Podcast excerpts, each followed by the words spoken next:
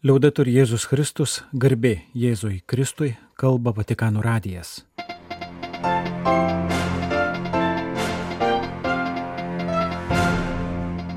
Malonus klausytujai šioje programoje. Popiežiaus Pranciškaus audiencijos, gyvosios prakartėlės iniciatyvos dalyviams ir kalėdinio koncerto Vatikane atlikėjams. Būsima kanonizacija, kuomet atsisveikina ES plėtros planus ukrainietis vyskupas, negalime pasiduoti nuovargiui. Trečiasis Advento sekmadienis.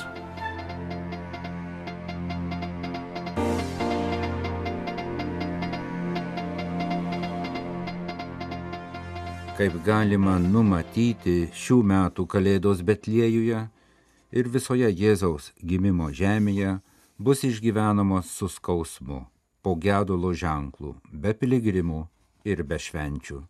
Per ateinančias savaitės nepalikime jų vienų, lydėkime malda ir konkrečiais darbais, paragino šeštadienį popiežius per susitikimą su gyvosios prakartėlės iniciatyvos dalyviais iš visos Italijos. La sofferenza di Betlemme sia una ferita aperta per il Medio Oriente e per il mondo intero. Pranciškus vylėsi, jog gyvosios prakartėlės procesija į didžiąją švenčiausiosios mergelės Marijos baziliką Marija Madžiorė Romoje šeštadienio gruodžio 16 popietę visiems primins, kad Betlėjaus kančios yra atvira žaizda artimųjų rytų regionui ir visam pasauliu. Per šias kalėdas atminkime Betliejų paragino Romos vyskupas.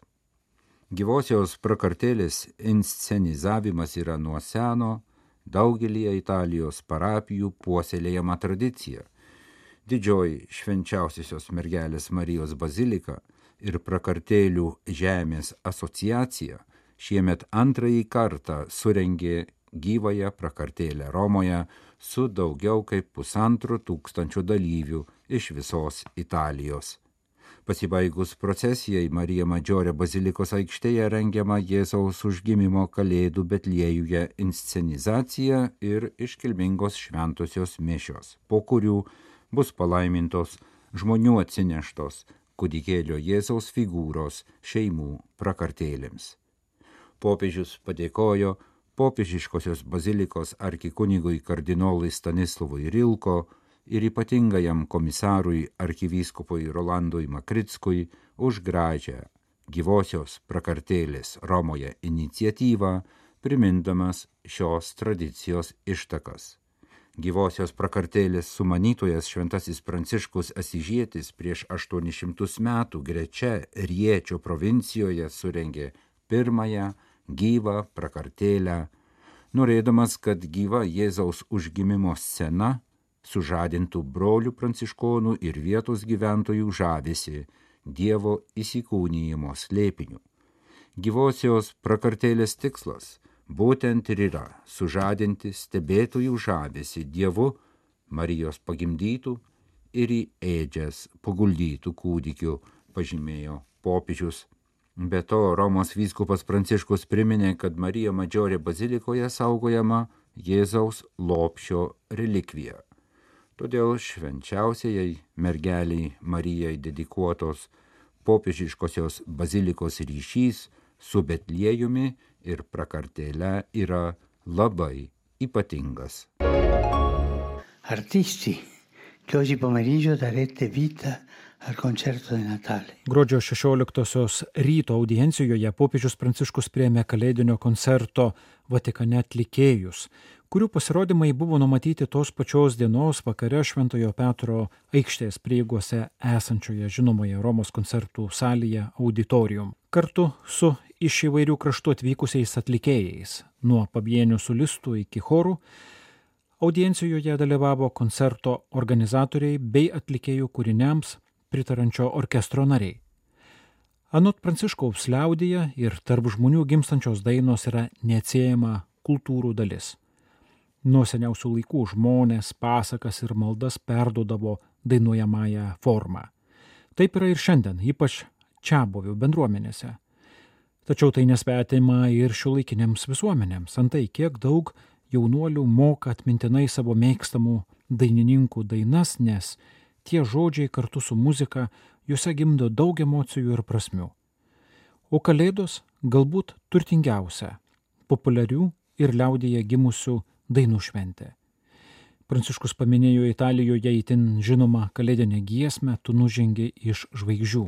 Rodos labai paprasta, bet teologiškai gilia ir harmoninga.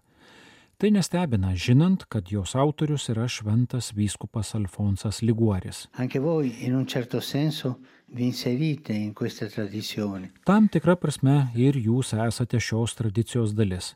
Savo balsais atliekate žinomas kalėdų melodijas, praturtindami jas savo originalumu, savo įspaudu, sakė popiežius audiencijos dalyviams. Pasak jo, tai labai gražu skamba sena ir tuo pat metu vis nauja žinia apie Jėzaus gelbėtojo gimimą, ją gėda skirtingi balsai iš skirtingų pasaulio vietų kartu, kad ši žinia dar garsiau nuskambėtų. Jie tai daro skirtingais stiliais, skirtingomis kultūrinėmis išraiškomis ir kalbomis. Nors Kalėdų Evangelija yra viena, ji gėdama įvairiais būdais. Taip pat ir įvairių žmonių širdise gimstantis menas negali būti vienodas. Visai priešinga yra technokratinio modelio tendencija viską suvienodinti. Gerai žinome, jog ir kalėdus tapo vartotojiško modelio auka. Kalėdinės giesmės, jų poezija ir spontaniškumas te padeda jas nuo to apsaugoti. Brangus draugai, žinau, kad šiandien taip pat gėdosite galvodami apie tuos, kurie šiomis dienomis gyvena skausme ir baimėje dėl karo, o karų tiek daug. Deja, taip pat ir žemėje, kurioje gimė Jėzus, pridūrė Pranciškus. Audienciją jis užbaigė linksmų kalėdų palinkėjimo, palaiminimo, trumpo asmeninių rankos paspaudimo audiencijos dalyviams ir prašymo nepamiršti maldos už jį patį. Šventųjų skelbimo dikasterija informavo, kad popiežius Pranciškus po įprastinio pasitarimo su dikasterijos kardinolų kolegija nutarė paskelbti šventąją XVIII amžiuje gyvenusią motiną Antulą, palaimintąją Šventojo Juozapo Mariją Antanę, dvasinių pratybų namų Buenos Airėse steigėją.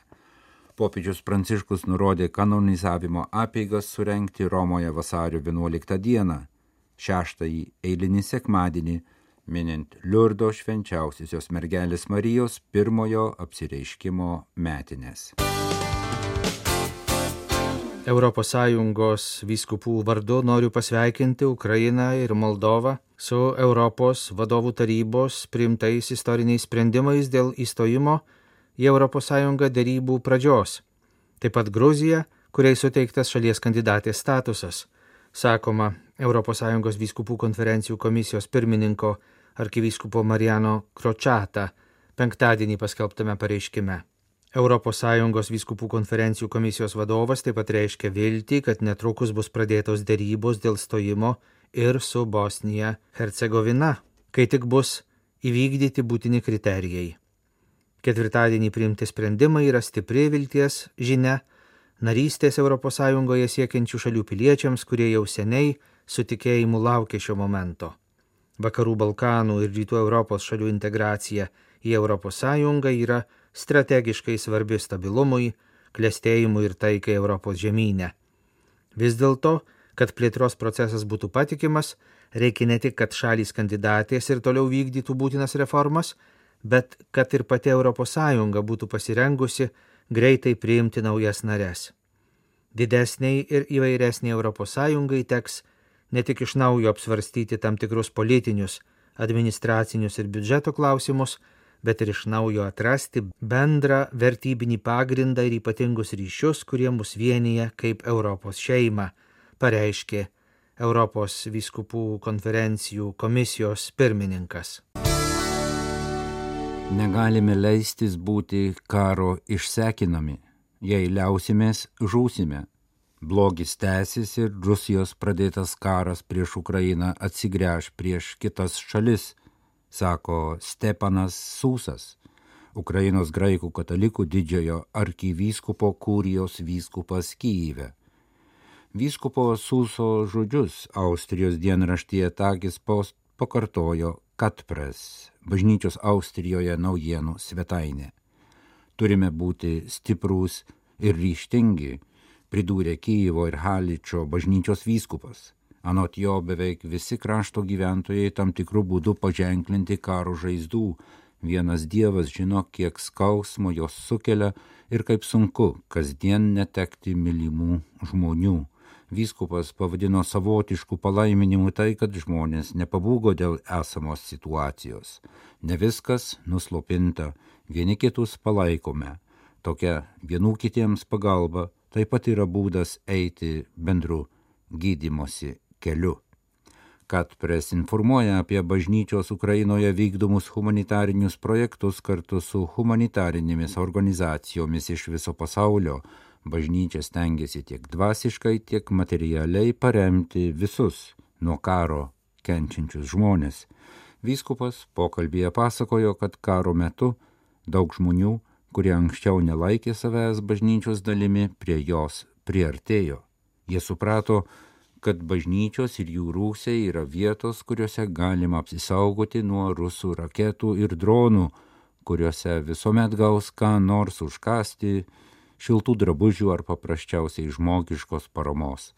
Vyskupas Sausas be to labai teigiamai įvertino šventojo sosto diplomatinės pastangas priartinti karo pabaigą.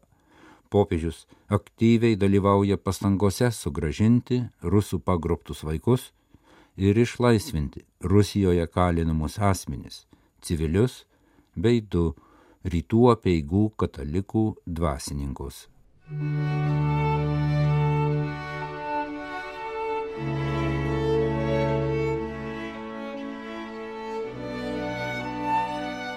Trečiojo advento sekmadienio skaitinys iš Evangelijos pagal Joną. Buvo Dievo siūstas žmogus, vardu Jonas. Jis atėjo kaip liudytojas, kad paliudytų šviesą ir kad visi per jį įtikėtų. Jis pats nebuvo šviesa, bet turėjo liudyti apie šviesą. Toks buvo Jono liudijimas. Kai žydai iš Jeruzalės atsiuntė pas jį kunigų ir levitų paklausti, kas tu esi? Jis prisipažino nesigindamas. Jis prisipažino, aš nesu mesijas. Jie ir vėl klausė, tai kasgi tu, gal Elijas? Jis atsakė, ne. Tai gal tu pranašas? Jis atsakė, ne. Tada jie tęsė, tai kasgi tu, kad mes galėtume duoti atsakymą tiems, kurie mus siuntė. Ką sakai apie save? Jis tarė, Aš tyruose šaukiančiojo balsas. Taisykite viešpačiui kelią. Taip yra kalbėjęs pranašas Izaijas. Atsiustieji buvo iš fariziejų. Jie dar jį klausinėjo. Tai kam tu krikštyji, jei nesi nei mesijas, nei Elijas, nei pranašas? Jonas jiems atsakė, aš krikštiju vandeniu, o tarp jūsų stovi tas, kurio jūs nepažįstate, kuris po manęs ateis. Aš jam nevertas atrišti kurpio dirželio. Tai atsitiko Betanijoje, anapus Jordano, kur Jonas krikštijo. Skaitome Monsignoro Adolfo Grušo komentarą - parodyti Dievą. Jonas Krikštytojas paslaptingai traukė mines, nes buvo keistas žmogus. Jei laikysimės Evangelijos teksto, Jonas Krikštytojas nepasakė nieko ypač įdomaus, nes tai, ką jis kalbėjo, yra tai, ką nuolat girdime kartojant mus mylinčius žmonės. Elkis gražiai, galvok apie tai, ką darai, atsiversk, būk geresnis, nustok daręs tai, kas neteisinga. Jonas Krikštytojas buvo patrauklus žmonėms ne tiek dėl savo argumentų, kiek dėl savo asmenybės. Jonas buvo nestandartinis žmogus, galbūt pasakytume keistuolis. Jo motyvai ir elgesys aplinkiniams buvo nesuprantami Jis gimė nevaisingai porai, kuri nebesitikėjo susilaukti vaikų. Suaugęs, jis vėl pasielgė ne taip kaip kiti. Pagal žydų tradiciją jam buvo skirta kunigo tarnystė, tačiau jis pasirinko dikumos atsiskyrėlio gyvenimą. Geroji šios istorijos naujiena yra tai, kad niekas negali nieko suprasti apie Evangeliją tol, kol nepamato jos keistosios ir paslaptingosios pusės. Tai įdomu. Didžiąją savo gyvenimo dalį praleidžiame jausdami, kad kažkam priklausome. ir stengiamės nebūti vieniši. Paskui tam tikrų momentų suprantame, kad norėdami būti laimingi, privalome tapti kitokiais. Turime būti savimi, suvokti, kas iš tiesų esame ir kad neužtenka būti tuo, ko iš mūsų tikisi kiti. Neužtenka būti tėvų, pedagogų, mūsų supančių žmonių lūkesčių išsipildymo. Yra kita, keista, paslaptinga mūsų dalis, kurią reikia atrasti. Ir kol to nepadarome, mumise yra kažkas neatbaigto. Šią prasme Jonas yra mums skirta dovana. Visas jo gyvenimas gali būti suvestas į pareigą parodyti kažką didingesnio. Kiekvienas kažko ieško, o Jonas, ieškodamas, nurodo Kristų. Gera tai prisiminti tokiais laikais kaip mūsų, kai turime iš naujo išmokti skelbti Evangeliją ir būti jos ženklų pasaulyje. Mes neprivalome būti teologiškai gerai pasikaustę, bet tai, kas daro mus įdomius pasaulio akise, yra jausmas, kai žmonės susitikę su mumis sutinka žmogų, nusprendusi būti savimi. Sakyčiau, kad tai pati pirmoji evangelizacijos forma. Jonas Krikštutojas nesako, aš esu Mesijas, aš esu Kristus. Visas jo gyvenimas tai pasakyti savo mokiniams, jūs galite savo leisti turėti klausimų, galite leisti savo ieškoti Dievo. Būtų gražu, jei mūsų patirtis mažos ir didelės maldos akimirkos susitikimai, buvimas bažnyčiuje pastumėtų mus sekti jo pavyzdžių, klausti, tikint, jog atsakymas egzistuoja. Jonas surado tai, kas suteikia prasme jo gyvenimai. Ir todėl jis sako, būkite atidus, paruoškite kelią viešpačiui, nemiegokite, nesnuduriuokite. Viešpats eina pro šalį. Neleiskite jam nueiti. Dievas yra, bet jei užmerksite akis, jo nebeišvysite. Jonas Krikščitojas skolina savo balsą, bet jo žodžiai priklauso kažkam kitam. Jonas liudyja šviesą, bet jis nėra šviesa. Jis yra balsas, kuris šaukia žodį. Mes tai vadiname gerąją naujieną. Kartais manome, kad liūdėti tai kalbėti apie Kristų ir rodyti jį kitiems. Atrodo, kad šio sekmadienio Evangelija mums sako, juk liūdėti tai turėti drąsos pasakyti, jog mes nesame Kristus. Tai reiškia atvirai prisipažinti, kad negalime išgelbėti niekieno gyvybės, negalime padaryti žmogaus absoliučiai laimingu, kad negalime užpildyti spragų, žiojančių mus supančių žmonių širdise. Sakyti, kad nesame Kristus reiškia, skelbti savo paklydusi žmogiškumą, savo ribotumą ir savo neveiksnumą. Nė vienas iš mūsų negali pasakyti, kad sugebės išgelbėti žmonės nuo blogio.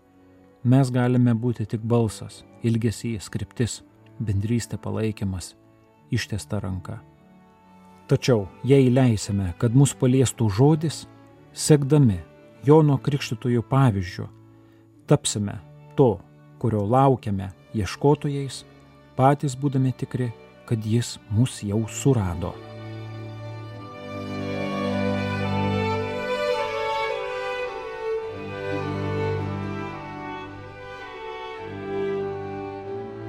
Malonus klausytojai, laidą lietuvių kalba baigiame.